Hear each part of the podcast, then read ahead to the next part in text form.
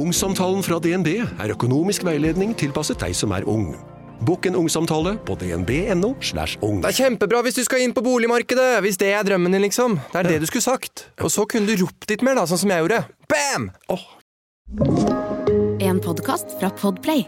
Sånn at vi, eh, vi er on program der. I, ja. I det jeg mener å huske at nå er det sesong sju eh, som vi har kommet i gang med her nå. holdt, holdt på en stund. Jeg holdt på en stund, Eh, Jeg, altså. skulle jo, eh, jeg måtte bare sjekke når lagde vi episoden om fosfin på Venus. Eh, Den episoden den lagde vi altså for to, og for to og et halvt år siden. Er det, nei, kutt ut! Ja, er er det så lenge siden? Ja, ja, ja. ja, ok. Vi er i hvert fall i 2023. Vi starter en uh, ny sesong. Hei, kjære ørevenner. Uh, her er Romkapsel. When liftoff. One, two, three, four, five, five, four, three, two, one. Enter bed. Okay, we checked all four systems, and there you go on modulation, all four, and keying with a go. Tranquility base here. The Eagle has landed. Hei igjen, Eirik. Det er lov å si fortsatt godt nytt år, syns jeg. Ja, det er det. Ja.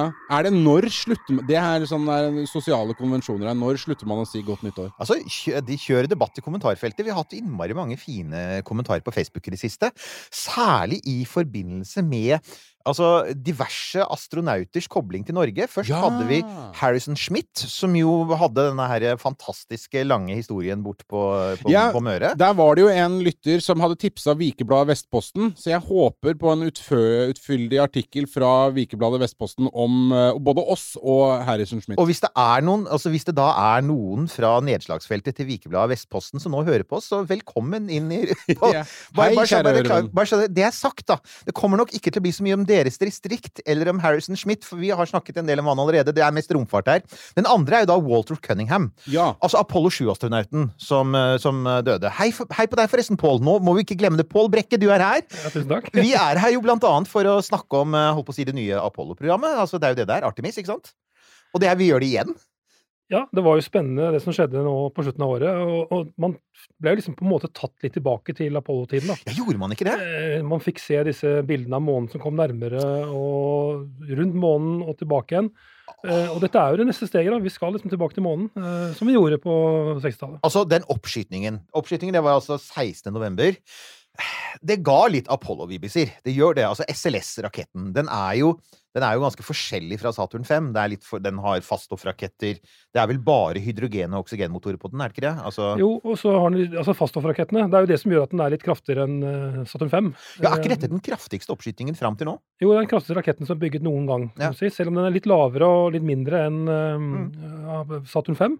Men det skyldes jo at veldig mye av den skivkraften kom fra disse gigantiske faststoffrakettene som sitter på siden. Og bildene var jo helt Altså, det var jo nattoppskyting, men bildene var jo spektakulære, altså. Jeg, må- jeg, må, jeg må si det som uh, legmannen eh, inn i dette. Eh, så har vi på en måte blitt liksom blasert på rakettoppskytinger, for da har vi blitt så vant til å se liksom Falcon-rakettene bare gå opp.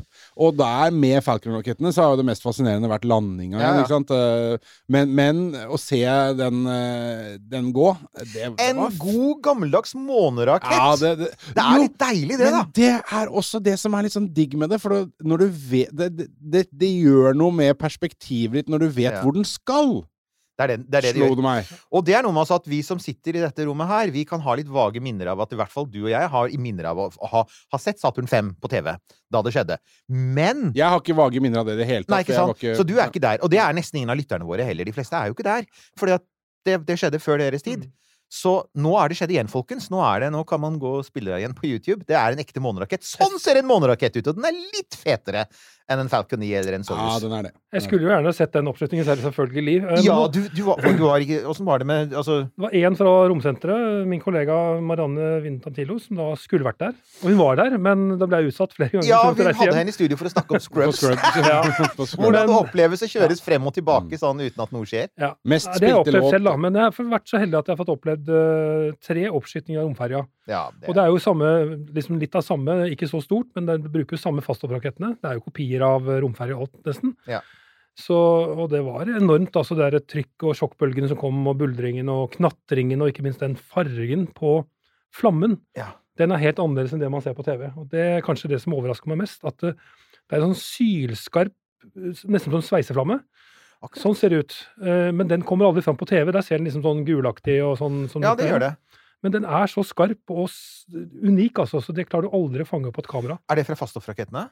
Det er fra begge deler, egentlig. Så, Ja. Men særlig fastrakettene har en sånn magnesiumblåaktig farve som jeg virkelig ble overrasket å se. Ja, altså nå Plutselig så slår det meg Nå husker ikke jeg hva som er i dette faste brennstoffet, men det ville jo ikke overraske meg om det er litt magnesium der òg, for det er det jo i, ofte i faststoffraketter. Så it would make sense. Men altså, den, den, den letta jo. altså det, Vi snakker altså igjen diger rakett, 98 meter høy, 2500 tonn.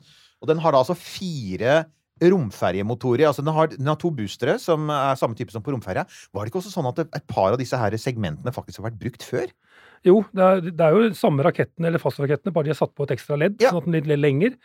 Eh, og sammen med motorene under, og så bruker den vel hva er det, det 5500 tonn i sekundet som skal ut. da. Det, det liksom, men det er jo bare barnemat i forhold til Saturn 5. Den brukte jo 13 tonn drivstoff i sekundet. Ja, ja, ja. Og hvordan man klarer å lage en, en, en turbopumpe som klarer å pumpe så mye drivstoff gjennom et rør i løpet av et sekund, det er ganske Det må jeg bare si at. I, i, i romjula så la jeg ut på Facebook-sida vår så la jeg ut uh, Det er en fantastisk to timer lang video om en fyr som forklarer turbopumpen i V2.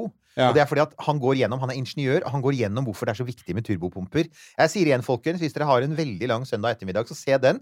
For den forklarer hvorfor turbopumper er helt avgjørende, og ikke minst den derre vanvittige For det er jo turbopumper i, for det er fire romferjemotorer som er flytende brennstoff. ikke sant? Det er et RS25 som står nederst på midttrinnet, kjernetrinnet, under den svære tanken. Og, og det er jo faktisk bona fide gamle romferjemotorer, det. Ja, og det, så det er jo ingen gjenbruk her også. Det er litt som Elon Musk gjør. ikke sant? Man har altså faktisk gjenbrukt en del ting her også. Ja. Og når vi kommer da videre til denne servicemodulen, eh, så, er, så bruker den også en gammel rakett som har flydd 19 ganger i rommet allerede. Ja, du mener den der som eh, europeiske servicemodulen? Den som, som Kan jeg da bare Ja. få lov til å skyte inn en sånn liten mal apropos her nå? Eh, hvis dere føler nå, eh, kjære lytter, at vi eh, er litt sånn eh, henger litt bakpå, så er det en grunn til det. Eh, det er jo nemlig det at en annen liten sånn reminiscence eh, fra Apollo-tiden eh, var jo nettopp da vi første gang snakket om dette med nettopp Pål Brekke Ja! så opplevde vi en aldri så liten 1202 Uh, her i, uh, i, i, rom, i romkapselen, uh, som førte til en intens rudd av all data. Eh, derfor så, så gjør vi dette nå igjen. Vi hadde jo faktisk vår første miss av en episode Ja. på to år. Ja, ja. Så det er eh, skikkelig nedtur, men vi la inn en ekstra juleepisode, så vi er faktisk i hakk. Vi er det. Og i, i, eh, i sånn space-sammenheng så syns jeg at det er ganske grei statistikk. men, men det er helt sant, Pål. Men fordelen, fordelen med at du er her tilbake igjen, er selvfølgelig at forrige gang vi snakket om det, så hadde for eksempel ikke Artemis ennå landet. Og vi kjente ennå ikke helt til liksom sånn oppsummering av resultatene, så det kan vi komme tilbake til etter hvert nå. Men bare så det er sagt, så den, den, den blir da skutt opp. Og da er det sånn at dette her voldsomme Dette er jo kraftige saker, dette her er førstetrinnet. Det er også en litt sånn spesiell ting er at førstetrinnet på SLS er litt som førstetrinnet på romferja, men at det tar det nesten opp i rommet. ikke sant? Altså, Det er ikke sånn som Saturn 5 eller Falcon 9 med at du har et digert trinn som detter av synlig i atmosfæren. Nei, nei, det blir med helt opp, nesten i bane. Og så har du et andre trinn. Det er dette interim cryogenic propulsion stage, som er det som skal gi deg kick opp i rommet og så til månen, ikke sant? Ja, for Det krever jo ganske mye krefter å komme seg ut av jordbanen også. ikke sant? Først skal de liksom inn i jordbane, og så skal man sparke av gårde med den antrinnet og, og få nok fart til å komme i, mot månen, da, som da tar noen dager. og Det krever jo ganske mye energi. Og så må man komme en liten hyllest til det, da. For at ICPS, dette her imellom Og det heter interim av en grunn, for at det skal komme et mye større og kraftigere trinn etter hvert, etter sigende. Men det, det bruker altså da igjen hydrogen- og oksygenbrennstoff. Og det bruker en motor som heter RL10, og den er jo legendarisk! RL10 har jo vært med siden er det 50-tallet, omtrent? Ja, altså det er, Ja, ja, ja! Det er en vanvittig. Det er den liksom første effektive hydrogenmotoren, og den har vært med på omtrent alt. Så, så apropos gjenbruk, det er noe her som jeg liker. Det er masse, vet du hva jeg får følelsen av? De gamle er fremdeles eldst. Jeg liker så godt å si det. Jeg er 58 år, de gamle er eldst. Det var før, tidligere i, i 2022, eh, 2021 også, var det sånn Hvem kommer først til Hvem kommer først opp i rommet? Blir det SLS, eller blir det Starship? Og det var sånn Uh, altså, det har jo vært flere avstemninger, blant annet han Everyday Astronaut Tim Don. Han hadde jo en oppsummering nå av en avstemning de hadde gjort i starten av 2022, hvor han hadde spurt seerne sine, og de er veldig mye SpaceX-fans, da skal sies da. Han er jo omtrent den eneste som får lov til å intervjue Elon Musk. Men de hadde da spurt liksom, ja, hva kommer først opp i rommet? Liksom sånn, hva er det? Er det SLS, eller er det, eh, eller er det Starship? Og det var sånn 85% Starship. Og, og det veldig mange trodde det. Men skulle du ha sett? NASA, altså. De fiksa det. altså NASA har Mm. vært veldig flinke på det der prosjektet her, syns jeg. da. De har fått til ting, og nå viser det at alt har gått på skinner. Ja, Eh. så, sånn kortversjon der. Har ikke alt egentlig bare er, Var det noen store problemer i det hele tatt? Nei, altså alt har gått på skinner, og i tillegg så ble det jo uh, veldig mye oppmerksomhet rundt disse flotte bildene, og man fikk se jorden og månen igjen i samme bilde, og denne Orion og den europeiske servicemodulen, som jo er veldig kritisk. Altså Ja. Europa har jo bygd, bygd det som er kanskje det viktigste av alt der. Ja, Uten det, den så har de ikke klart å komme seg til månen og komme seg rundt månen tilbake igjen. Den har denne gamle romfergemotoren. Den har vel 33 andre motorer eh, rundt omkring for å kunne styre denne kapselen rundt. eh, og de er jo bygd basert på gamle Apollo-jetmotorer. så ekstremt eh, avansert eh, system, og som er basert på det gamle ATM-systemet til ESA, et automatisk eh, lastefartøy som skulle til romferja. Nei, til romstasjonen, unnskyld. Um, så det var jo grunnen til at ESA fikk den jobben, at de kunne bruke dette her eh, systemet også til, eh, som en servicemodul til, til Orion. Og det er jo den som har alt det kritiske utstyret. Alt ja, ikke det- life support også? At det er mye sånn derre vann, strøm Alt som de brenselceller, astronautene trenger. ikke sant? Og drivstoffet, to- åtte tonn drivstoff, og uten den så kommer man seg ikke til månen. Så det er jo det som Hvis det går gærent der, så ryker jo hele prosjektet. For at Hvis du ser sånn rent utseendemessig, det som står på toppen av, av førstetrinnet og boosterne og dette ICPS, oppå der står servicemodulen og Orion-kapselen. Og, og ved første øyekast så ligner jo Orion-kapselen ganske mye på en litt sånn stor Apollo-kapsel. Den er en sånn kjegleform. Men selve det europeiske trinnet, det, det er jo mye Altså, hvis du husker det, Apollo har en sånn svær sylinder. Den er diger. Ja. Mens dette er jo mye mer kompakt, da. Ja, Den er litt tynnere, tynnere enn selve kapselen, så det, det, den ser ut som en liten sopp. da kan du Ja, den si hele opplegget. Sånn, uh, men kan den liksom gjøre det min første, min første reaksjon var sånn Men kan den lille soppen da gjøre så mye som den digre klumpen du hadde bakpå Apollo? Og det kunne den åpenbart. Ja, og det, Den består vel av ca. 20 000 deler, så det er, men det er mye Det er avansert. mindre radiorør nå, vet du, enn det det var Det- på 60-tallet. Veldig godt poeng. Det er også, helt sant. Og så har jo norsk industri vært med å bygge deler til denne kapselen. Klara Venture Lab i Bergen. De har levert uh, et filter som sitter uh, Det er vel to filtre her som sitter og skal passe på at uh, det trykksatte vannet da ikke eh, lekker nitrogen inn i det trykksatte vannet. da. Så det er noen membraner der som er levert av et annet norsk firma eh, som også har vært med. Så, og det er jo litt kritisk at astronautene etter hvert får vann da, når de skal ut, eh, skru på springen. Så det systemet er, lagd i Norge. Og så hadde jo dette her, eh, er det jo eh, masse kameraer om bord som har tatt de fine bildene. Og kameraene var ikke bare for å ta bilde av månen og, og jorda, men de, mange av de var jo selfie-kameraer for å sjekke kapsen, at ikke noe gikk gærent. Og alle husker jo Apollo 13, når noe eksploderte der og et lokk falt av og en tank eksploderte. Det var for å passe på at eh, hvis noe skulle skje, så skulle de få bilder av alt det som da eventuelt skulle gå gærent. da. Ja.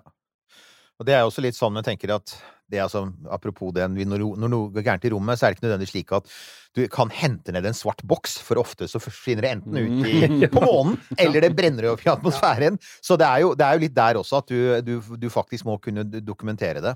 Men for øvrig, de bildene var jo altså Jeg var jo litt skeptisk i utgangspunktet. Var det ikke, var det ikke GoPro som satt på solcellepanelene? Jo, altså de fleste kameraer er levert av et kanadisk firma som heter Pixalink, eh, Ok. som er romkvalifiserte kameraer. Men så bestemte NASA for å bruke GoPro-kamera, som alle andre bruker når det er ekstremsport, og dette er jo ekstremsport. Ja! Og, og da satt det vel fire kameraer på, altså ett på hver av solpanelene, og et par andre. Og de var ikke De var kjøpt i en butikk, da, kan du si, men de var plukka fra hverandre. Selvfølgelig. Og uh, alt var skifta, linsen var skifta, det måtte vakuumtestes og vibrasjonstestes og sånne ting. Så, men likevel, det var GoPro-kameraer som tok de flotte bildene av eh, kapselen og jorda i bakgrunnen. Så det er Altså, Og, og igjen, altså, så må jeg si jeg vet ikke om det er GoPro som er eh, blitt litt blaserte, og om de er litt sånn cocky her, men hvis du går inn på nettsida til eh, GoPro, så skulle man jo kanskje tro at et av de første bildene var nettopp et eller annet sånn rombilde. Nei.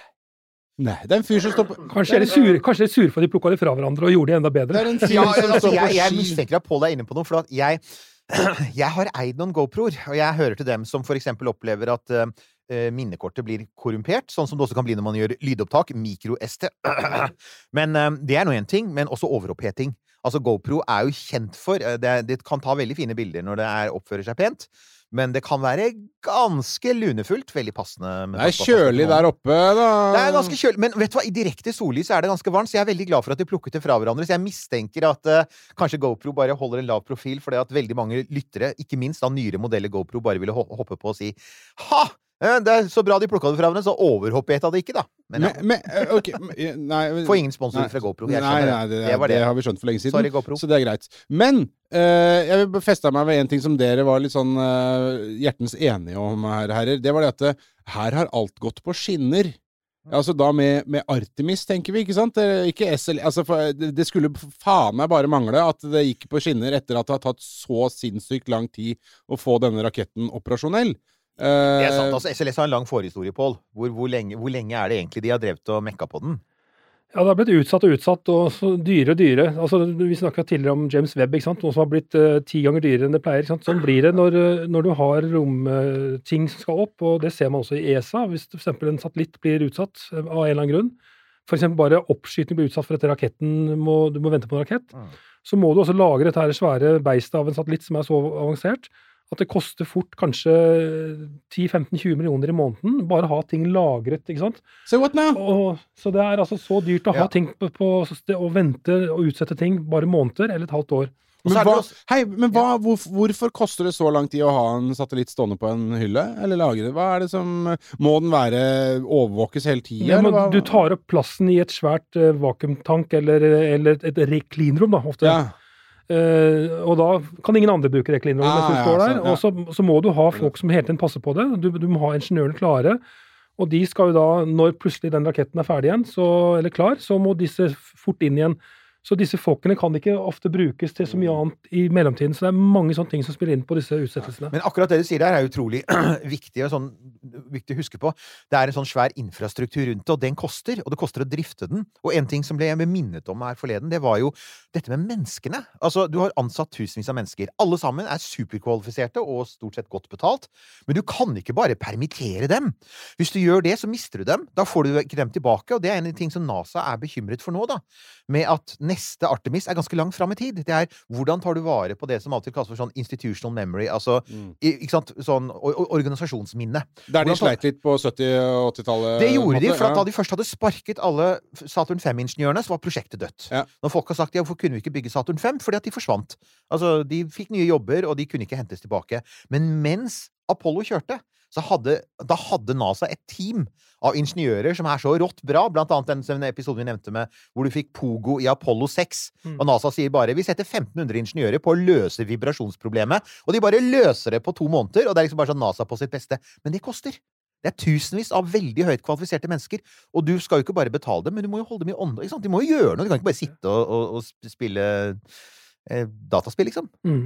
Nei, altså, som sagt, Med stikk på skinner. Så var det en ting da, som, som også var med der. Det var disse ti småsatellittene Ja! som ble liksom kastet ut i, i ulike retninger da, på vei til månen. Denne, det, det andre trinnet hadde med seg da skulle i hvert fall ha 13 satellitter, men tre av de ble ikke ferdige, så det var tre tomme kassetter. Det var litt bekymring på forhånd, det husker jeg. Og der var det noen som gikk tapt òg, var det ikke det? Når de Ja, kom altså, opp, eh? nå, Tidligere så ble det jo kjent at eh, man fikk bare tak i noen få av de. De, de snakket ikke, de fikk ikke tak i men per i dag så har man fått tak i syv av de. ah, okay. Og de kommuniserer tilbake til jorden, og Ja. tre av de er, er tapt. Og mye av grunnen til det skyldes jo at man måtte jo rulle hele raketten tilbake når den ble utsatt i høst og måtte Ja. stå der lenge. Og da fikk man bare ladet noen få av disse batteriene, ja, for at de kom ikke til alle de, noen, av, noen av disse satellittene var sikkert satt inn i kassetten slik at de, ladeporten kanskje var inn mot kanten. da. Ja. Og dermed så kom man ikke til de. Man kunne ikke demontere de, det hadde tatt for lang tid. Så dermed så var det noen som da kanskje ikke hadde nok batterier og ja. Men det er jo igjen det er Space sånn- is hard, Det er, ikke sant? Og det er sånne ting som også alt, du, er, du er veldig opptatt av masse, så du kan ikke ha en sånn egen kassett, for den veier.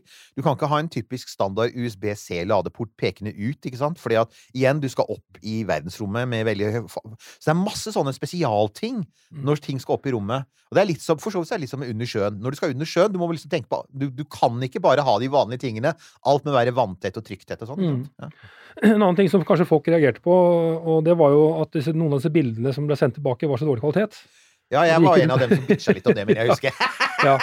Og du kommenterte da. Hva sa du da til meg, Pål? Jo, jeg på- sa, på det, altså Hovedårsaken er at uh, dette er langt borte. altså. Det er, det er mye lettere å sende høyoppløsningsbilder fra romstasjonen som er bare rett over hustakene våre. Mm. Mens her snakker du om også 300 000 km. Og da tar det lang tid, og båndbredden er veldig lav. Man bruker disse store 70-meters antennene rundt på jorden, Deep Sky Network. Mm. Og dermed så, så er det ikke så mye data man kan få pressa gjennom denne datastrømmen, pluss at man, det er jo mye data som må sendes som kritiske data eh, om eh, romfartøyet selv. Dermed så har man brukt veldig lite av den båndbredden til selve bildene. Noen oppløsningsbilder har man sendt, men ikke alle. Men alt ligger lagret, og det skal nå i de nærmeste ukene plukkes ut, og så får vi se de gode bildene. Er dette, ligger dette da i Orion-kapselen, ikke sant? Ja. For da kan vi, snakke, vi må snakke litt om den, for det er jo, det er liksom sånn Det er jo kjernen i dette her. Det er denne kapselen som skal frakte mennesker rundt månen, forhåpentligvis om to år cirka.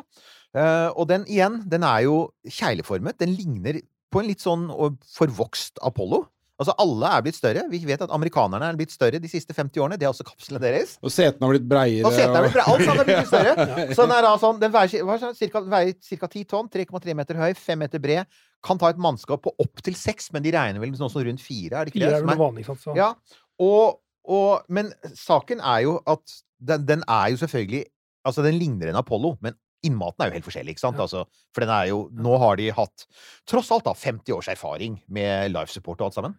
Ja, det er mye mer avansert og, og konstruert på en annen måte. Da. Og jeg har jo faktisk til og med tatt på den en gang. Jeg var på NASA en gang. Og det er den som fløy rundt månen? Ja, det er lenge siden. Eh, men da var det ikke noe inni, da. Da var det bare, stort sett bare skallet og Ja. sånt. Men eh, den er ganske svær når du står ved siden av den, faktisk. Eh, og så hadde man da med seg disse dukkene om bord, for, for dette er jo gjerne en testferd. Dette er jeg sammenligner litt med sånn der, eh, når et nytt bilmerke kommer på, markedet, ja. så skal de kollisjonstestes. Da ser du sånne filmer med masse merker og, og dukker inne og så krasjer inn for å måle alle kreftene. Det er litt av det samme her. De skal måle akselerasjon, de skal måle stråling de får på vei til månen. Så disse dukkene er laget som mennesker. Noen har liksom sånt materiale som ligner på menneskelig kjøtt. Og masse strålingsmonitorer og slike ting. Og dette er for at de skal være godt forberedt da, når mennesker først skal tilbake, tilbake til månen igjen. 1202. Hvorfor må man teste opp igjen alle disse tinga når man måtte, La oss si at man har et utgangspunkt da, som var eh, romferja. Eh, eller, eh, eller eh, vi kan dra det enda lenger tilbake til, til Apollo-kapslene.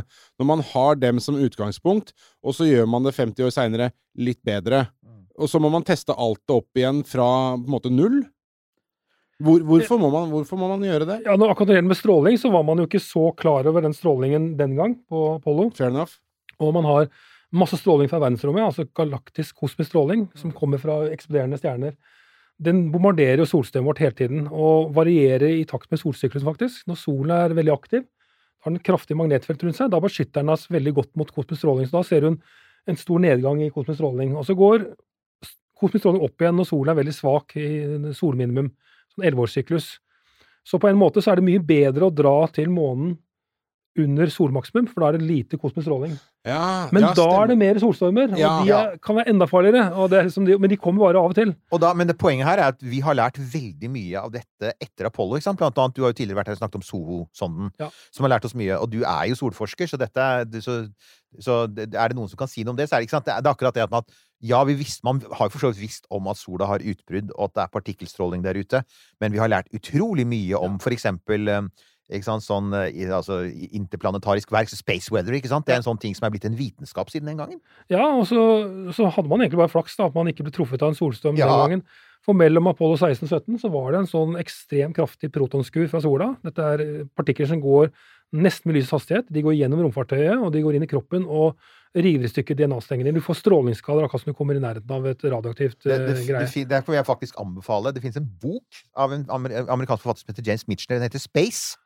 Og jeg lurer på om ikke, Da vi studerte sammen for mange år siden, jeg husker det var en periode hvor alle som tok astrofysikk på 80-tallet, vi leste James Mitchells Space. For det var en bestselger da. Og han gjenforteller Apollo-programmet, men delvis sånn fiksjonelt. da. Men han ser for seg at Apollo-programmet hadde de tre siste ferdene, 18, 19 og 20, de tre som ble kansellert. Og det, i hans bok så, så så dør astronautene på Apollo 18 når de treffer seg en solstorm. Så det var ganske interessant. Jeg husker det var sånn Men, altså, di- men bare digresjon, eller bare en liten tillegg til digresjonen om solstormer. Dette er ting som de som er på romstasjonen blir skåna for pga. jordas magnetfelt? Det er riktig. Eh, men først Apollo. altså Apollo 16-17, mellom der så var det en kraftig solstorm som ville ha gitt de mest sannsynlig en dødelig dose inne i romfartøyet. De har ikke dødd sånn umiddelbart, men de ville i løpet av kanskje en ukes tid eh, måtte ha gjennomført en benmargstransplantasjon for å redde kroppen sin. Og det gjør man ikke fremdeles om bord i en romstasjon også. Eller romsta. Men når det gjelder romstasjon, så går den i lavbane. Den går innenfor jordens magnetfelt, og der er man ganske godt beskyttet. Selv, men selv der så får man økt stråling selv under en sånn protonskur. Og da vil astronautene eh, bli tatt inn hvis de er på utsiden. Eh, og hvis det kommer en solstorm, så, får man, så vil man avlyse en EVA. Eh, og så flytter man noen ganger også alle astronautene inn i den russiske modulen, for den har tykkere vegger enn de andre. Så, Så, så det er litt av fordelen med gamle så, Men stråling i verdensrommet er kanskje den største utfordringen, særlig til Mars. For der blir man jo borte i hvert fall tre år, eh, hvis man skal fram og tilbake normalt.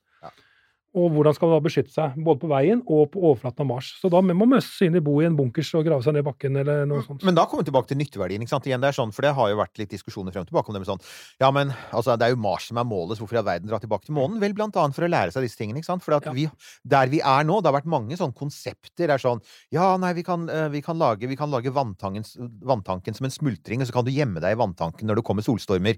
Jo, men det må testes, da. Altså, det er masse sånne løse tanker der ute om hvordan vi skal fikse ting. Men du må jo faktisk gjøre alle testene, og det er der jeg igjen kommer tilbake til sånn De gamle er eldst. Dette er noe NASA er ganske flinke til. Og dette har de, og de har hatt noen bitre erfaringer. De har hatt noen ulykker som har lært dem at vet du hva, nå tester vi alle bauger og kanter. Og da sender vi blant annet, som du sier, disse her ø, Mannekenger. Bare si det, da. Han ene, han, han viktigste, han heter Moonikin. Han er mannekeng. Moonikin altså, Av og til er NASA en eneste stor dad-joke. Moonikin Campos. Han er oppkalt etter Arturo Campos, som var ansvarlig for det elektriske systemet under Apollo 13. Og så tenkte jeg bare Men var det ikke det som sviktet? Men ok, whatever. Det er, men han, Jo, men i, i fadesen, i tragedien, så ble det jo et av de, de stolteste øyeblikkene. Så sånn sett så var jo han da ansvarlig for et av NASAs stolteste øyeblikker. Ja, ja, vi var tuller. Altså, Arturo Campos var en flott fyr, og NASA hyller ham. Uh, og det han, altså Arturo, eller Moniken Campos, Campos var ut, iført da Orion Crew Survival System. Altså, dette er flightsuiten, ikke sant? Altså, de har en For at du har, har EVA-drakter når du er ute av romskipet, og så har du flightsuiter, som er det du bruker i tilfelle Altså, oppstår en lekkasje, så kan du alltid felle igjen hjelmen, og så har du luft, ikke sant? Det er det som er poenget. Men den er ikke ment å brukes utafor romskipet, og den er heller ikke ment å brukes på månen, ikke sant? Det er riktig. Nei, så det er, det er, det er veldig mye testing om bord der. Og så er det selvfølgelig at hvis man skal til månen over lengre tid eh, Apollo landet jo alltid på solsiden. Altså, det er jo en gammel TV-serie som heter det. Men uh, de var alltid i- i dagslys på, på den som vender mot, mot oss, da. Men skal man lande andre steder, eller være på månen over lang tid, så vil man også kanskje måtte gå inn i en månenatt. Og da synker temperaturen plutselig til minus 150 grader. Så utstyret som skal på månen over lang tid, krever mye mer eh, ja, må være tøffere da, enn det som ble brukt under Apollo også. Det må det. og det er jo en en annen ting er som sånn, jo, men Vi har jo vært på månen, kan vi ikke bare bruke, bruke Apollo-månedraktene? Vi snakket jo litt om Apollo 17 nå rett før jul, for det var, det var en juleferd. Uh, og der, altså, der sier jo Sørnen og Schmidt sier jo, de ser på draktene sine og sier "Det- nå er det rett før. Det er, de, de er månestøv, er i ferd med å ete seg gjennom alle koblinger ikke sant? og alle ledd. Og, og, Og så har, vi jo, så har vi jo skjønt hvor avansert det er å lage en drakt man skal ta på seg som man skal bruke ute i verdensrommet. Det viser seg, og det er jo ikke gjort i en håndvending, og ei heller er det gratis. Hva er det nå? Ti milliarder, er det, var det der de var? Nei, Eller ikke var det- var det noen sånne helt. Sinnssyke summer for å lage denne suiten. Men, men grunnen er jo at en romdrakt på månen, altså en, en sånn EVA-drakt som skal brukes på månen, er jo egentlig et romskip. Det er jo det det er. Den er jo Den har? Den har life support, den har kommunikasjonsutstyr, den har kjøleanlegg, den skal beskytte litt mot stråling, litt mot varme. Ma, ikke sant? Ja, Ja, ikke sant? Altså virkelig. Toalett. Let's not go into that. Men ja, den har jo det, så jeg tenker sånn eh, Det er det som folk har påpekt, er at jo, det er riktig at en drakt er dyr, men det er fordi at det er ikke som å liksom si det er ikke som å sy et flagg, plagg i Kina og selge det på Hennes og Maurits. Det er faktisk et romskip du bygger. Og, og det skal for sikkerhets skyld tåle En månedrakt skal jo tåle dette ekstreme miljøet med støv og, og, og sånne ting. Så Men det har de jo ikke fått testa ennå. det har man ikke. Det er jo to firmaer nå som, eh, som jobber med den saken, så det, vi må jo bare håpe at de får dette ferdig innen 2025, som nå stadig flere sier 26, 27, 28. Men uansett. Og så skal de jo lande på månens sydpol, da. Det er også interessant. Hvorfor lander man ikke der hvor de andre var, eller Ja. hvor det er lettere? Ja, nemlig. Eh, men det skyldes jo at på, man har sett da ved hjelp av satellitter som har gått rundt månen, at det, der finnes det i dalene, i kraterdalene, så finnes det da mye vannis, da. Frossen vannis. Og det er jo helt essensielt hvis man skal begynne å lage drivstoff og andre ting, og kanskje bygge ting i framtiden. Men det er altså mer komplisert da, å lande, for dette er Du vil jo helst lande i solen, så det, man har nå valgt ut 13 eh, vel, landingsområder allerede. okay. Som er pekt ut. Og, og de er på, tror jeg, på 15 km, 15 km hver av de. Og innenfor der så er det igjen 10 spesifikke landingsområder da, på 100 ganger 100 meter. Og, og det som er kritisk, da, at disse landingsstedene må uh, helst ha sol hele tiden de, de står der, når romfartøy står der. Men må likevel være nærme nok til en sånn grop hvor det finnes eh, skygge, kontinuerlig skygge. Og, Ikke sant? Hvor det egentlig har vært evig skygge, omtrent Ja. siden månens For da kan de, de kjøre en bil eller spasere bort da, og så undersøke denne vannisen. Da. Det er greiene. Altså, de kommer til å trenge en rover. De gjør det. Jeg satt En- akkurat og tenkte på det. derre elektriske Altså, det er jo fremdeles, da. Vet du hva, jeg blir stadig mer fascinert av de elbilene de hadde på Apollo-programmet. De Men- var så bra. Men jeg, jeg øh, dette her, Og dette er mange år siden, hvor jeg så Dette er en gammel episode av Top Gear. Hvor uh, Captain Slow James May var borte i Houston og testa Han fikk lov å kjøre en sånn uh, måne altså, Jeg vet ikke om den var ment for månen, eller hva det var for noe, og om de hadde noen plan for det. Men det var jo en ganske svær doning. Med, eh, hvor de satt, det var jo, Der var det jo en hytte, man, og så festa man Ja. drakta på en sånn dør, og så kravla man fra drakta inn i, dette, i denne bilen. Den er ment for Mars, tror jeg. Den den er sånn ment for ja. Planene for Mars, og det ligner jo på den som han derre Han som ble sittende på Mars for Mark lenge. Watney. Ja. Ja. eh, Ja, da det- hadde de sånne biler. Ja, ja, Ja. det, ja. Men, men, eh, men har, har man noen plan for det? At man skal ha noen slags bil? Altså Har man en liten Think, eller en uh, Mye ledige elbiler som står rundt forbi, som folk ikke bruker, som man kunne tatt med seg til mål. Ja. Nei, det er vel Til sjuende og sist er det vel en det som sier at det handler mye om å komme ganske nær målområdet, så man slipper å sånn traversere over liksom 100 Riktig. km. riktig. og, så det handler vel mye om det. Og de skal, jo, de skal jo velge ut disse helt spesifikke områdene. Blir valgt ut da kanskje et, litt år, over et år i forkant. Ja. Når man har bestemt seg oppskytingsvinduet. For at de eh, ulike landingsstedene vil jo forandre seg avhengig av når du skyter opp.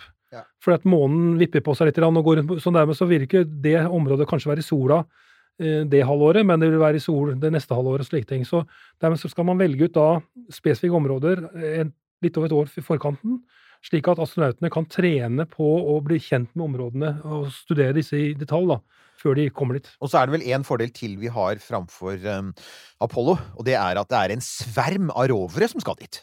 Vi har hatt en egen sending om det, og som alle disse planlagte Japan skal drive og sende av gårde, men altså de, de, kineserne, amerikanerne, selvfølgelig masse private selskaper.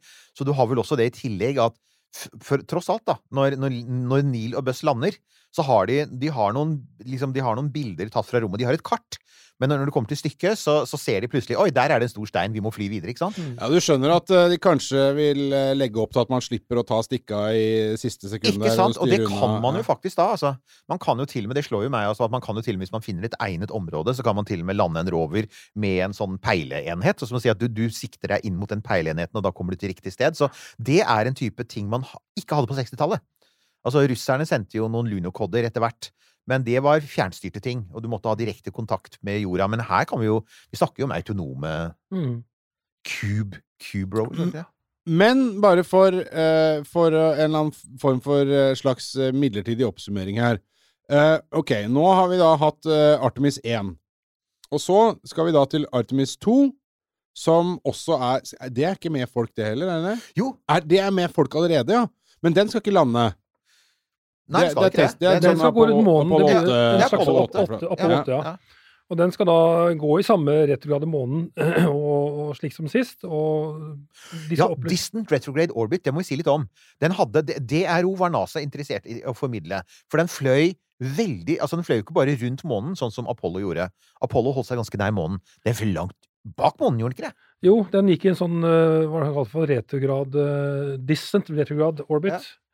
Og det betyr at den eh, går i motsatt eh, retning av den veien månen går rundt jorda. så Derfor kalles den retrograd. Og at den gikk da lenger vekk fra månen enn eh, Apollo gjorde.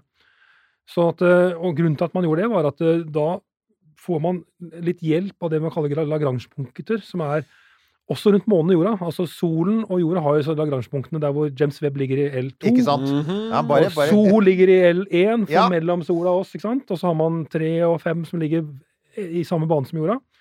På samme måte så har også månen og jorda eh, tilsvarende oh, ja, lagrangpunkter. Og da fikk man liksom hjelp av disse punktene til å, å drifte rundt, og dermed så slapp man å ha med så mye drivstoff, og kunne bruke mindre drivstoff til å korrigere banen. da. Og det har også å gjøre med at Orion, i motsetning til Apollo, den er bygd for å være lenge ute, ikke sant? Ja, og det, for Apollo var jo bare ment for å være de eh, ti dagene eller hva det var, ja. fram og tilbake og slike ting. Så her skal man kunne være mye lenger da, og ha med seg mer mat og, og slike ting. Så det har vært en fantastisk sted. Og så, så er det en annen ting som også er interessant, at den skal jo lande også. Eller den landet på jorda på en helt annen måte enn Apollo. Apollo kom jo skrått inn Ja, og gikk rett gjennom atmosfæren og med en hastighet på 40 000 km, er det ikke det? Nei, Apollo gikk vel langsommere, tror jeg. Okay. Eh, denne her, Orion, går fortere. Den går i Og den her, er, er det Orion som er det skip-kjøret? Ja, Ah, den, den det er istedenfor å gå liksom skrått inn og bare gå, begynne å bremse opp og bli veldig varm, så skip entry kaller det. Og det er en metode hvor man går mye flatere inn og, og hopper sånn som man kaster en flat stein på vannet, så spretter den videre. Og spretter den ut igjen, og så detter den ned i atmosfæren. Og dermed så Det høres så Ja, helt høres farlig ut, for da kan du sprette rett ut i Når verdensrommet. Ja! Når du sitter om bord der Ja, på- på vei ned ja. Nå skipper vi! Oi, hvor har Hey, Men, det, men det er jo en ting, altså, for du sier den treffer atmosfæren. Men det er en sånn ting igjen fra ditt fagfelt, Pål. Atmosfærens høyde, den er ikke den samme. Påvirkes ikke den også blant annet av sånn solaktivitet og sånne Jo, ting? hvis sola er mer aktiv, så er det mer UV-stråling, og da eser den ut. Men alt dette her har de veldig gode modeller på i, i NASA, så de vil justere den vinkelen avhengig av hvor feit denne atmosfæren blir. Da. Men fordelen med å gjøre dette her, da, det er at eh, for det første så blir gravitasjonskreftene på astronautene mindre. Mhm. Men det aller viktigste er at de med å bruke den der skip-metoden, de kommer av litt brattere ned andre gangen. Og de kan lande mye mer nøyaktig, og dermed kan de lande mye nærmere land. Som gjør det mye enklere det å hente den der kapselen da, enn å være langt ute i Stillehavet. Så kan man liksom lande bare litt utenfor kysten. Så det er hoveddelen her. Og denne metoden her var jo kjent under Apollo også, Oh, ja! men de hadde ikke nok eh, regnekraft i datamaskinen, for da var det sånn oppvaskmaskin-datamaskin som Ja, omtrent. Um, og man trenger mye mer regnekraft da, for å kunne, at denne kapselen skal kunne styre seg selv og gjøre dette her riktig. Da. Det skildres vel faktisk også i Apollo 13, som er igjen er og blir en veldig bra film. og Jeg mener at det er helt realistisk at de sier altså at vi Dette med at de hadde mistet så mye instrumenter, og de måtte sikte manuelt, og at vi var veldig redde for å få en uønsket skip. Ja. Fordi du da faktisk kunne gå rett ut i det interplanetariske rom, og så hadde du Du trodde du var på vei hjem, og Ja. derimot var du på vei ut i evigheten. ja Men- over to the fat lady. For det things var For at det vi har sett, er når, når Crew Dragon lander, så er det jo egentlig bare en ganske liten båt. Eh, Det var jo heller ikke Altså, da, når Apollo landet, så var det jo en hangarskipsflåte. Fullt hangarskip, helikoptre, uh, kryssere, destroyere i, i Altså, det var sånn svær Det var sånn nesten som å En angripe et lite land. Ja, ja, ja. som en armada. Men det var også en for at de visste ikke helt hvor, altså hvor landet. sant? Men her har man mye mer kontroll på hvor man lander. Så her var det ikke, et- det var ikke et hangarskip her. Nei, og så og nå har den jo landet, og den, den ble jo frakta inn til San Diego. Eh, den landet vel 11. desember. Ja, det stemmer. Og 30. desember så kom den fram til Kennedy Center igjen. Denne kapselen ble kjørt på lastebil over, og den har ikke vært rørt, egentlig. I det, store hele. Så nå skal man liksom åpne opp, ta ut disse dukkene, øh, teste alle disse måleinstrumentene. De- Eh, vet du, det, det, altså, for det er sånn du tenker Å ja, de har åpnet med en gang. Ja, Idet den landet på sjøen, så åpner det. For det gjorde de med Apollo. Ja, Men her gjorde men, man jo men ikke jeg hadde ikke lyst til at mennesker skal sitte inne en måned og sitte her Nei, og vente en måned til. Nei, men, men helst hva, ut. hvorfor, hva, er hva er grunnen til at de har bare latt den stå? Nei, men det, det var vel det at eh, her er det mye testinstrumenter som er om bord. De, de vil ikke begynne å tukle med ting før de får tatt ut eh, instrumentene, disse eh, dukkene, alle måleinstrumentene som sitter på de. Og så er det en annen ting- som er interessant. da, Dette er, dette er eh, flight-kitten som er om bord. Og dette er noe som NASA har gjort bestandig, som at de har alltid sendt med et eller annet ut i verdensrommet. Voyager hadde disse platene med menneskefigurer og lyder. Eh, på romferja har alt liksom hatt med seg flagg og slike ting. da, Og Perseverance hadde jo med seg ti millioner navn eh, på en liten minnebrikke på Mars. Men her hadde vi en, en boks da, med 60 kilo med ulike ting. Veldig mange, kanskje flere hundre sånne merker som er på jakke, jakkemerker. Ja, og ja, Som skal så, deles ut til skoleelever og, og speidere. ja, sånne flight badges, ja. Flagg fra ulike stater og land. og Hører det vært- dere det, ESA? Ja, det var til og med ESA hadde til og med mer ting derfra opp dit. Eh, Kom igjen. Ja, Send dit. eh, Og, men de hadde til og med med seg en, en bolt fra eh, Apollo 11. Og de hadde en medalje fra om Apollo 8 og slike. Så, så de, det er masse ting da som nå skal pakkes ut her, og skal deles ut og gis bort til de som har vært med å lage Ori- Orion. Å ja, her, her, kjenner jeg Dette, dette er Kanskje Romkamp skal få en av de der Ja, persene? Det hadde vært litt ja, for det, jeg tenker at dette er en del av romfarten. Her er jeg kvalifisert til å ta ansvar for en sånn kasse. Samle inn noen skatter og, og hive det oppi der. Det skal jeg få til. Det er én ting som er, som er eh, sånn eh, historisk felles med Apollo, og det er Den var kjegleformet, den er kjegleformet, kommer inn i atmosfæren, og det varmeskjoldet er vel sånn som på Altså en variant av det du har på Apollo, sånn ablasjon, altså dette med at du flaker av materialet for å senke temperaturen, ikke sant? Så Ja. det er ikke som romferjas eh, varmeskjold, som i prinsippet var helt gjenbrukbart, du måtte jo ofte fikse på det, men, men her er det sånn at du må bytte ut varmeskjoldet, men selve kapselen, det kan, den kan brukes om igjen, ikke sant? Den kan brukes om igjen, og varmeskjoldet skal også fjernes da, nå, når den kom Ja. fram til her sånn. Um, så Nei, det er, eh, noe kan gjenbrukes, men no, disse, den servicemodulen den er jo gone. Den brennes jo opp i atmosfæren. Så her må ESA lage nye. De har jo lagd allerede nummer to, og de har kontrakt på seks slike sånne uh, servicemoduler. Og fra nummer fire, mest sannsynlig, så, så blir det Kongsberg-gruppen som skal lage motorene som skal dreie solcellepanelene i riktig retning.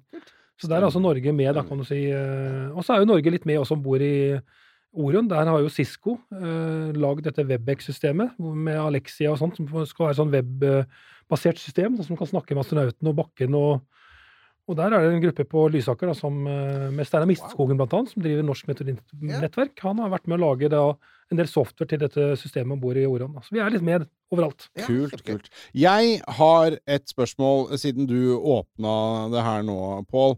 For eh, kapsel kan gjenbrukes, mange ting kan gjenbrukes, men eh, og Så husker ikke jeg detaljene her, men det kan helt sikkert dere to. Eh, grunnen til at det tar så lang tid fra Artemis 1 til Artemis 2, er noen datamaskiner som skal gjenbrukes. Men de skal jo strengt tatt ikke gjenbrukes. De skal tas ut, pelles helt fra hverandre, settes sammen igjen, og så eh, spacegrades. Alt skal gjøres på nytt. Eh, hvorfor?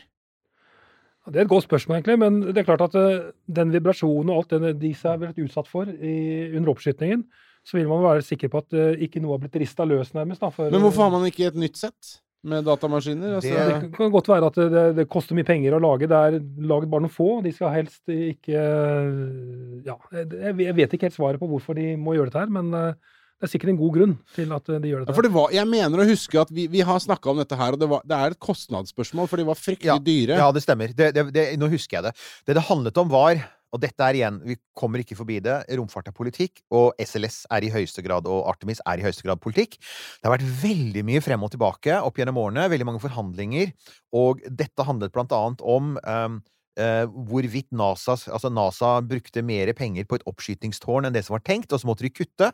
Og da sa de vi kan kutte 200 millioner dollar på å gjenbruke flight computers fra Artemis 1 på Artemis 2. Men da må vi, som du sier, Pål, du må gå igjennom. Fordi selv Altså, eh, du har så mange eksempler, ikke minst fra Ja, når du skal regne ut den der skip-greia, så vil du helst at den eh, regner riktig, da. Altså, til, til sjuende og sist, ja, det er mye mikroelektronikk, men tross alt, disse flight-computerne er Til sjuende og sist er det massevis av lodda kretskort. Eh, og og, og lodde, altså loddefester kan faktisk sprekke opp under vibrasjon, så det er sånne ting. Så hvert eneste så det du må gjøre, Det har vært en testfeil. Så du må, altså, det, du må jo selvfølgelig også gå gjennom disse flight-computerne i minste detalj. Teste alle forbindelser. Teste at liksom strømmen er riktig, signalene går i alle loddepunkter. Det kommer til å ta Og, og det er derfor jeg så at han som var ansvarlig for det, sa han ja, vi sparte 200 millioner dollar på det, men et av resultatene er at vi kommer til å bruke minst to år på å demontere og remontere for å være sikre på at de faktisk overlevde måneturen. Så, så Og det så skal jo også resten av hele kapselen skal testes i detalj. vet du, Ja. Nå skal de finne ut om noe har eh, jeg håper å si, sprukket eller løsna et eller annet sted. Så før de begynner å sette i gang med neste oppskyting, da. 1202.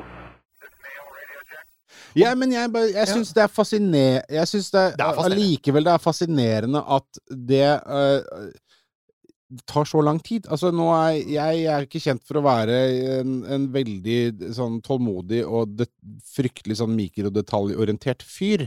Mm. Så for meg så virker det helt sånn sinnssykt at det skal ta halvannet år, da, å gjøre en sånn jobb. Ja, men jeg tenker at det, har nok det med å gjøre med at som du sier, på, Det er altså, et detaljnivå her. Det er et detaljnivå, og dessuten, det må vi ikke glemme, stort sett alt som brukes i rommet, er håndlagd, ikke sant? Altså, ja, du har massevis av du, har- du har, altså, Tar du et fly, så har du, sitter du i et fly med, som er fullt av flight computers, men de er masseproduserte. Og de har produsert dem i tiår. Uh, og, og, og, så de har, de, de har de god kontroll på, og alt er bare sånn plug in, plug ut. Ok, funker ikke computeren, så bytter du den. Her er alt sammen. Du lager ett eksemplar, det koster 200 millioner dollar. Du, du bygger den over ti år. Folk kommer og går i teamet. Det er masse sånne ting som gjør romfart utrolig vanskelig. Og det er jo også sånn som gjør meg litt sånn Når folk da Altså, igjen det er, ikke bare, det er ikke bare flaks som gjør at NASA nå slo SpaceX. For det veit vi, altså at denne svære raketten til SpaceX, som fremdeles står på testpaden i Boca Chica, og gud veit når den rulles ut og inn, gud veit når den letter um, det handler ikke bare om at NASA har mer penger og politisk støtte. Det handler nok litt også om at NASA har ganske mange tiårs erfaring med akkurat det det her er. Altså, det pirkete arbeidet over lang tid, sånn i tid, detalj, teste, feile, teste, feile, og så til slutt få det til. Så er det kanskje det at de, de satset på en, en på velkjent teknologi. Ja. Det var jo romferjeteknologi, motorer, alt var nesten brukt før. Så man visste at dette stort sett virket. Uh, SpaceX har jo liksom noe, noe helt, helt nytt. Ja, altså vi ser, hvis De betaler en høy pris for denne nye motoren sin, Raptor. Altså Hvis de hadde gått for en videreutvikling Utvilsomt. Eller når du bruker en motor som har vært med på 50-tallet, eh, siden 50-tallet, så veit du at den har blitt uh, Ikke- den ikke er- sant? It's proven. It's Det- war-proven. Det er akkurat det, og det er det, det er liksom for, det er for mange elementer som er helt nye, og som gjør at de stadig vekk støter på nye problemer. Og, og nå, med tanke på hvor lenge dette prosjektet har vært i utvikling Raptor-motoren har jo vært i utvikling nå veldig lenge. Så er det vel snart ti år. Så, så faktisk, det er, det er deler av eh, Starship-prosjektet som nå begynner å, å minne litt om SLS, og definitivt har passert Apollo. For Apollo har jo en utviklingstakt som er helt vanvittig. Jo da. De gjør jo Ja. sjukt mye arbeid på seks-sju år. Men, men, Men de satt jo i sånn 400 000 mennesker, da. ja, de hadde 400. Det er hva du kan gjøre når du tar verdens rikeste og mektigste land, 400 000 mennesker, og åpen lommebok. Ja. Men, men ok, men poenget er at, at, at det vi begynner å se nå, da, er jo at ok, nå er akkurat dette her kappløpet her over. eh, de tapte. Eh, og det skal jo bli veldig spennende å se i 2023 om, om, om de får det til. Men jeg, jeg mistenker, du ser allerede at de jobber nå mye mer som NASA. De tester i detalj, og de, de prøver å, å, å, å skru sammen. Altså, de gjør jo det samme. De, de, bren, de svir av en motor, og så må de ta den fra hverandre. Og så må de se hva som skjedde, og så må de skru den sammen igjen. Så nå er det slutt på den derre 'la oss få ting til å eksplodere og se om det funker', for det, de, de, ingen har råd til det lenger. Det, det, det går jo Mm. ikke. Nei da, man har gått fra å være den eh, lille, kule utfordreren til å bli en eh, etablert eh, aktør som kanskje har bitt over litt mye, men det har vi sagt, Ja, vi altså, mange de, ganger er, før. de er verdens største romfart. Altså, de har skjøt opp flere raketter enn eh, Kina i fjor. Ja, ja, ja. Det er, altså, de er gigantiske. Ja, jo, jo. Eh, Det er jo sånn at nå Hvis du drar til Florida på ferie, så er du nesten garantert å få med deg en oppskyting av SpaceX. for Ja, du er det. Nesten hver uke så skytes det. De snakker jo om faktisk om at de, er jo, altså, de må jo få opp så mange Starlinker som mulig, for ellers så går Starlink konk. Så de, de har jo vært snakk om nå at det kan, etter hvert kan komme opp i to oppskytninger fra Florida i uka. Altså virkelig, som du sier, du, hvis, hvis du drar på ferie til Florida i løpet av sånn om et halvt års tid, så er sjansen for at du faktisk uh, hører det drønne og se en uh, Falconi av gårde, er veldig stor. Kult. Um, jo, så er det altså da Det er Artemis 2, Apollo 8-typeferd, som du sa. De sa desember 2024, men det er veldig mange som tror det kommer i 2025. Um, så er det Artemis 3. Hvis, Apollo, hvis Artemis 2 går bra, og det er, det er fire mennesker, er det ikke det, som skal av gårde? Fire stykker, ja. Og de snakker vel også om at det blir eh, det skal, De har bestemt seg at det skal være en kvinne som skal være med på månen. Ja. Uh, og det er vel også snakk om at det kommer en ESA-astronaut. Om det blir på første, vet jeg ikke. Men, og det skyldes jo at man har bidratt med denne Service-modulen. Så Ja. har også ESA fått da plass til en astronaut som skal til månen. Og det er et viktig moment med Artemis. Du har vært inne på det. I motsetning Apollo, det var USA alenegang, ikke sant? USA skulle slå russerne, det gjorde de. Artemis, der har NASA vært veldig opptatt av at det er internasjonalt. Du har The, Artemis Accord, som er et sånn internasjonalt traktatverk, eh, hvor en haug med land, langt flere enn du tror, det er sånn Det er virkelig Og du har selvfølgelig ESA, du har NASA, du har JAXA, du har Canada. Det er de fire hovedbidragsyterne, de, men det er andre som også selvfølgelig bidrar på Tsjekkia sikkert, siden de har fått en astronaut. Altså, ja, Ikke sant? Sånn, sånn, mm. det, ja, nemlig. Ja. altså, det, men, det, altså, så det er, men det er jo litt interessant, for at det betyr jo at dette i en helt annen grad Altså ja da, vi vet at det er NASA som skal tilbake til månen, men i en helt annen grad så er dette et internasjonalt prosjekt. Og det, for meg så gjør det oss litt sånn mer sympatisk, for det er sånn da, Ok, det er ikke bare sånn uh, USA, USA. Det er faktisk mange land som skal dit. Men det har jo også, synes jeg NASA veldig flinke til på pressekonferansene sine, å få fram at dette var et internasjonalt prosjekt. De har Det, det, det, syns jeg de fikk fram ganske tydelig når de eh, snakket, da. Jeg tror vi kan si at De siste to NASA-sjefene har vært veldig flinke på den måten der. Mm. Uh, Jim Bridenstine var overraskende dyktig, det er alle enige om. Han var, han var Trumps aller beste utnevnelse.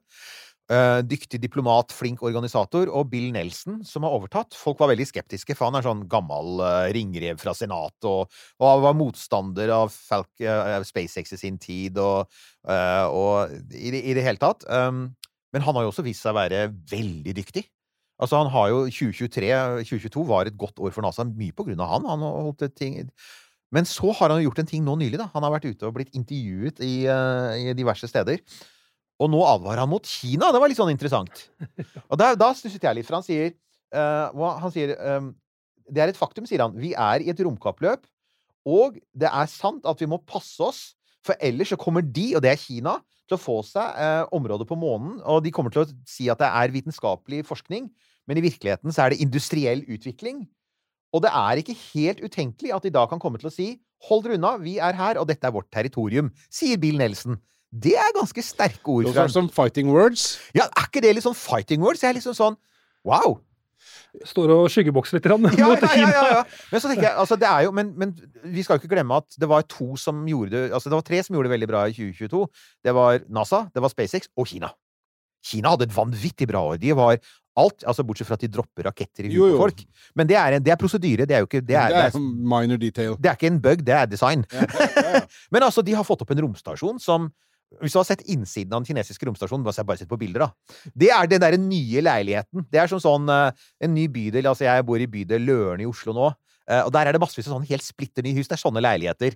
Alt er ja, ikke sant? All, all, Alle hvitevarene, veggene er nymalte. Det lukter antagelig sånn nytt romskiplukt. Altså antagelig som nybillukt. Og så, så ser du bilder fra sånn Særlig fra, fra ISS, hvor det er sånn det er utstyr overalt, og det er plastposer, og de russiske ser jo ut som et gutterom med alle sine sånne propagandabilder.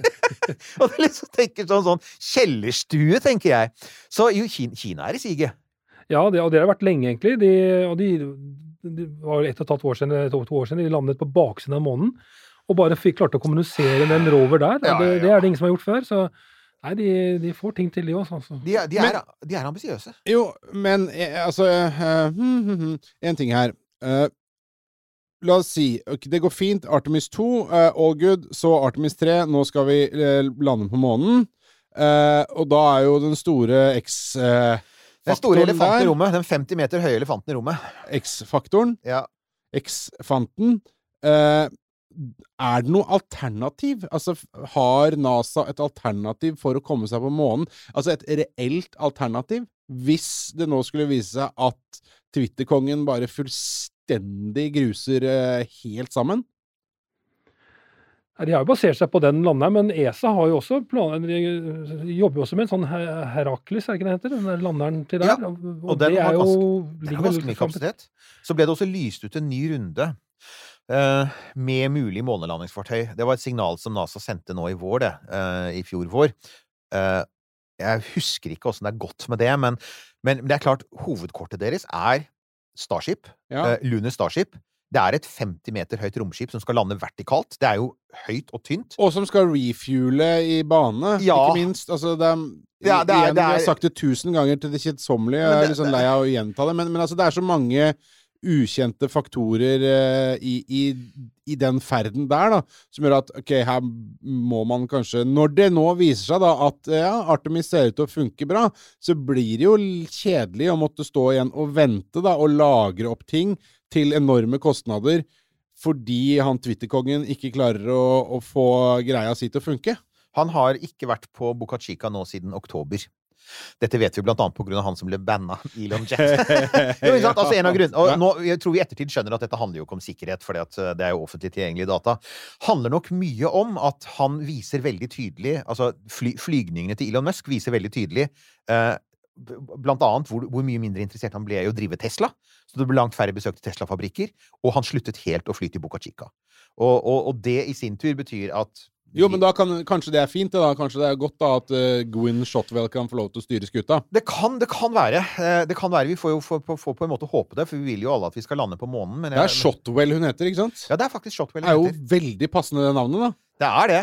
Og hun er, hun er en drivende dyktig leder, det er alle helt enige om. Men den visjonære der, er han som har liksom piska ingeniørene videre, han har jo på en måte vært SpaceX sin Werner von Braun.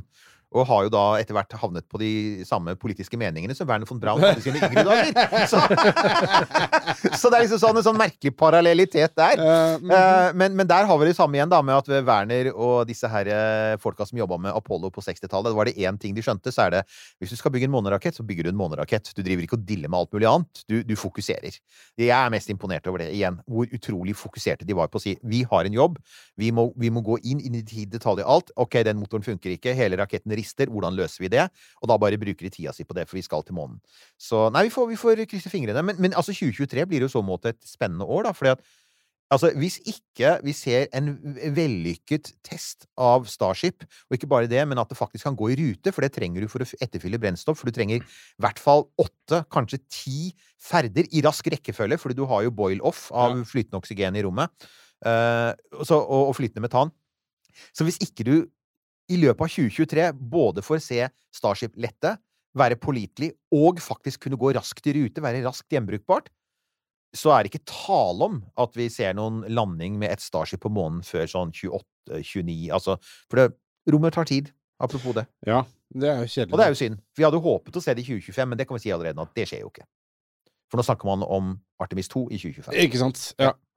Men Pål, øh, øh, altså var det da noe mer? Hadde vi noe mer? Jeg tror, vi jeg snakket oss gjennom det meste. Var det noe annet i 2023 vi skal glede oss til? Ja! Ja, altså, Norge har jo, vi er jo med på både Juice, som skal til Jupiter, og se på de islagte månene. Der har jo Kongsberg igjen vært og lagd disse solcellepanelene. Og så har vi Euklid, da, som er en uh, kosmologimission, hvor Prototech eller Clara Venture Lab har bygd eh, komponenter til instrumentet. Og Astrofysisk institutt er jo veldig involvert og skal lage noe av datapipelinen. Og den skulle da skytes opp eh, nå i sommer, men eh, med en russisk rakett fra Koro. Og når krigen satte i gang, så røyk jo hele dette her. Ja. Og vi, jeg sitter jo på programstyret som har med denne missionen å gjøre, så vi har diskutert dette her nå i, i, i hele år, da, hvordan vi skal redde den missionen. For at uh, hvis vi da skal over på en Ariane 6, så vil det føre til kanskje to-tre års utførelse ja. på Ja, ja. Og da igjen lagring av den raketten, men kanskje det viktigste, vil vi miste alle fagfolkene og eh, teknikerne og ingeniørene som har bygd dette her. Hvis det skulle stå lagret i tre år. Hva gjør man da? Jo, da ringer man SpaceX. Og så klarte da på rekordtid eh, kontaktet SpaceX da etter sommeren i år. Vi fikk en tre måneders eh, kontrakt for å eh, evaluere og sjekke at eh, Falcon kunne brukes til oppskytingen. At det fantes adapter og sånne ting. Og det gjorde det. Og i løpet av kanskje litt over en måned så har man da klart å komme til enighet med SpaceX. Kostnadene. Og den skal skytes opp nå allerede nå til sommeren. Ai, ai, ai. Som redder da hele det vitenskapelige miljøet og, og alt mulig. Og vi må bare si det en gang, altså, selv om vi, vi bitcher mye om hvor rar Elon har blitt. Eh, Falcon 9 og det SpaceX har gjort fram til nå, er helt fantastisk. De har skapt en flåte. For det er jo ikke de eneste. Det er mange som har blitt reddet av det nå. Blant annet Du, det er, eh, OneWeb. det er verdensrommets Ford Transit. det ja, men det, er det var målet, og det, det fikk Ja. han jo rett i. Han sa målet vårt er å bli på en måte DHL for romfarten. Mm. Uh, og, og selvfølgelig det, det, det er det Falcon 9 er blitt. De har en flåte med gjenbrukbare raketter. De satte vel rekord nå i Var det en som nå har fløyet 15 ganger? Er, de er bygd for å fly 10, men de tester dem jo. Og sjekker om de funker. Og nå, jeg vet jo at når de flyr, når du kommer veldig høyt opp i tall, så er det bare sine egne ting de flyr. De flyr ikke sånn De flyr ikke den, denne kosmologisatellitten opp med en som har fløyet liksom 18 ganger. Det gjør de nok neppe. Eh, Forresten, kan dere Får dere vite liksom sånn hvor mange flighter Altså sånn Ja, nei, vi, dere, får lov, dere får bruke en som bare har fløyet åtte ganger, eller altså Får man vite sånt? Det vet jeg ikke hvordan den kontrakten er formet ut, da. Men uh, det vi vet nå, er at uh, launchvinduet starter da først i juli. Ja. Uh, og tre måneder. Vi vet ikke når i den, for det er litt avhengig av hvilke andre ting som skal opp i den perioden. Ja. Men da når den nærmer seg, så får man vite da eh, hvilken Ja. uke det blir. Vi har så mye raketter. Det er bare snakk om også hvilken lastebil du skal sette på, liksom. Ja, de har de har. De har rett og slett en flåte. Ja. Det, er kjempe, det er kjempekult. Og det, er jo, det har jo vært, det har vært et, til de grader altså Ja, det har vært bra for Ukraina å ha Starlink, men det har vært bra for hele rombransjen å kunne ha noe sånn fallback. Når, når tross alt Russland var ganske svære til å sende opp sånne ting. da. Og de hadde pålitelige raketter. Ineffektive, men pålitelige raketter. Eh, Og så- sånne ting kan være riktig når, eh, hvis du skal skyte for eksempel til Mars. Da Da har man disse, års, disse vinduene som bare er hvert annet år, ikke sant? hvor man kan skyte. Og du kan tenke deg hvis det er en, eh, en rover som skal til Mars, og av en eller annen grunn så kan man ikke skyte med den raketten. Ja. Eh, og, vi, og, og da må man vente to år til før man kan få skutt opp den der greia. Da kan man ringe Elon Musk igjen. Så, og så altså på det, på, omtrent sånn, da. Det er, Tidskritiske ting Ja. kan være veldig nyttig å ha. uh, Og dette har jo det amerikanske forsvaret også oppdaget. De har jo vært veldig tydelige på at de er eh, ekstremt happy for at det finnes en backup-løsning igjen for viktige militære satellitter og slike ting. Og apropos det, eh, når dette blir tatt opp, så var det jo ikke veldig lenge siden at eh, det var en eh, bitte, bitte liten eh, norsk sånn snushanesatellitt som ble sendt opp med SpaceX. Ja, helt riktig. Litt sånn overvåknings... Spionsatellitt Takk for dere som Ja. minnet oss om det. Det stemmer. Og hva heter den? Den heter Birkeland. Den gjør det! Og Birkeland! Skal vi ta vår favorittbeef med 200 kroner seddelen? Ja, ikke sant? ja, den ble jo kuttet ut da, og bytta ut med en torsk av Norges Og alle ting! Christian Birkeland, som kanskje er eh, det største vitenskapelige geniet Norge noensinne har hatt, som by the way. Men den, den raketten, er, eller den- den satellitten, da, det er to satellitter, en nederlandsk og en norsk, det er et samarbeidsprosjekt. hvor De skal ha to satellitter som skal se på skipsradar samtidig og kunne posisjonere dem. da. Så det er over, overvå- skipsovervåkningssatellitter, dette her. Eh, og veldig nyttig da for oss militære. For det For dette er ikke sånn basert på sånn AIS som sånn tidligere satellitter. Nei, den skal finne de som har skrudd av AIS-en sin. Ja. Åh! Men det har Norge allerede gjort. Vi har jo en satellitt allerede oppe som gjør det samme, men det er bare én satellitt. Okay. Eh, Norsat eh, eh, tre eller fire er det vel. Og eh, denne satellitten Birkeland da, den gjør det samme, men med to satellitter så kan man også posisjonere hvor båten er hen. Ja, det var, som, eh, det var som i sin tid jeg hadde en sånn, eh, for mange mange år siden hadde sånn diskusjoner med folk som drev prosjekt i Hessdalen. De har kanskje fiksa det nå, men da de i sin tid startet UFO-prosjekt i Hessdalen, så hadde de ett kamera. Da sa jeg, men burde dere ikke egentlig ha to? For at i det øyeblikket du har to kameraer og kjenner vinkelen mellom dem og posisjonen, så kan du faktisk si noe om avstanden til det du tar bilde av. ikke sant? Det var det eh, Carl Størme gjorde med to kameraer og bestemte høyden på nordlyset. For eksempel. Og så har vi to øyne i hodet som også Ja, i det hele tatt. Men det, var, så, men det var veldig bra at vi hadde Pål her nå, for det er helt riktig. Og takk til dere som har tipset om- om det. For at hver gang sånt skjer, så får vi jo tips på, på Messenger. Så, så vi er veldig happy for det. Bare fortsett, la dem komme. Gjør det. Uh, skal vi eh, Runde runde, av? runde av denne gangen? Altså, det er jo alltid hyggelig, Pål. Uh, vi kan vel også vi, vi snuser på et litt annet prosjekt også med Pål. Uh, vi skal ta et redaksjonsmøte på det sammen med Pål nå, når vi har ha skrudd av. da. Vi, jeg kjenner at det trenger vi ikke ta på, på mikrofonen. Det er ikke noe hemmelig, liksom. Vi bare snakker om det uten å ta opp. Eh, det skjer ting på bakrommet her. Uh, spennende greier. Men eh, ja, eh, som vanlig, eh, Facebook vet dere at vi er på. Eh, romkapsel.no. Der kan du gå inn og bestille T-skjorter, kopper og, raffe handlenett. Eh, og eh, takk til alle som gjør det. Og jeg må også si det. Tusen hjertelig takk til alle som eh, støtter oss bare sånn helt ut av det blå uten å få noe T-skjorte eller kopp tilbake, altså. Det dumper inn eh, 100 kroner, 200, 500 kroner her og der fra veldig, eh, veldig greie lyttere og, og kjempesjenerøse ørevenner, får vi Du si. snakker om på vipsen vår. På vipsen vår, ja. På vipsen vår i Ja. krymflasjonens tid. Takk ja, for det. ja, ja, ja, ja, ja. Og nå har vi liksom bikka timen her òg, så vi krympflerer ikke. Vi eh, Nei, nei, nei. Vi fortsetter å Ja. levere XL. Det gjør vi. Takk for nå, da. Du har hørt en podkast fra Podplay. En enklere måte å høre podkast på. Last ned appen Podplay, eller se podplay.no.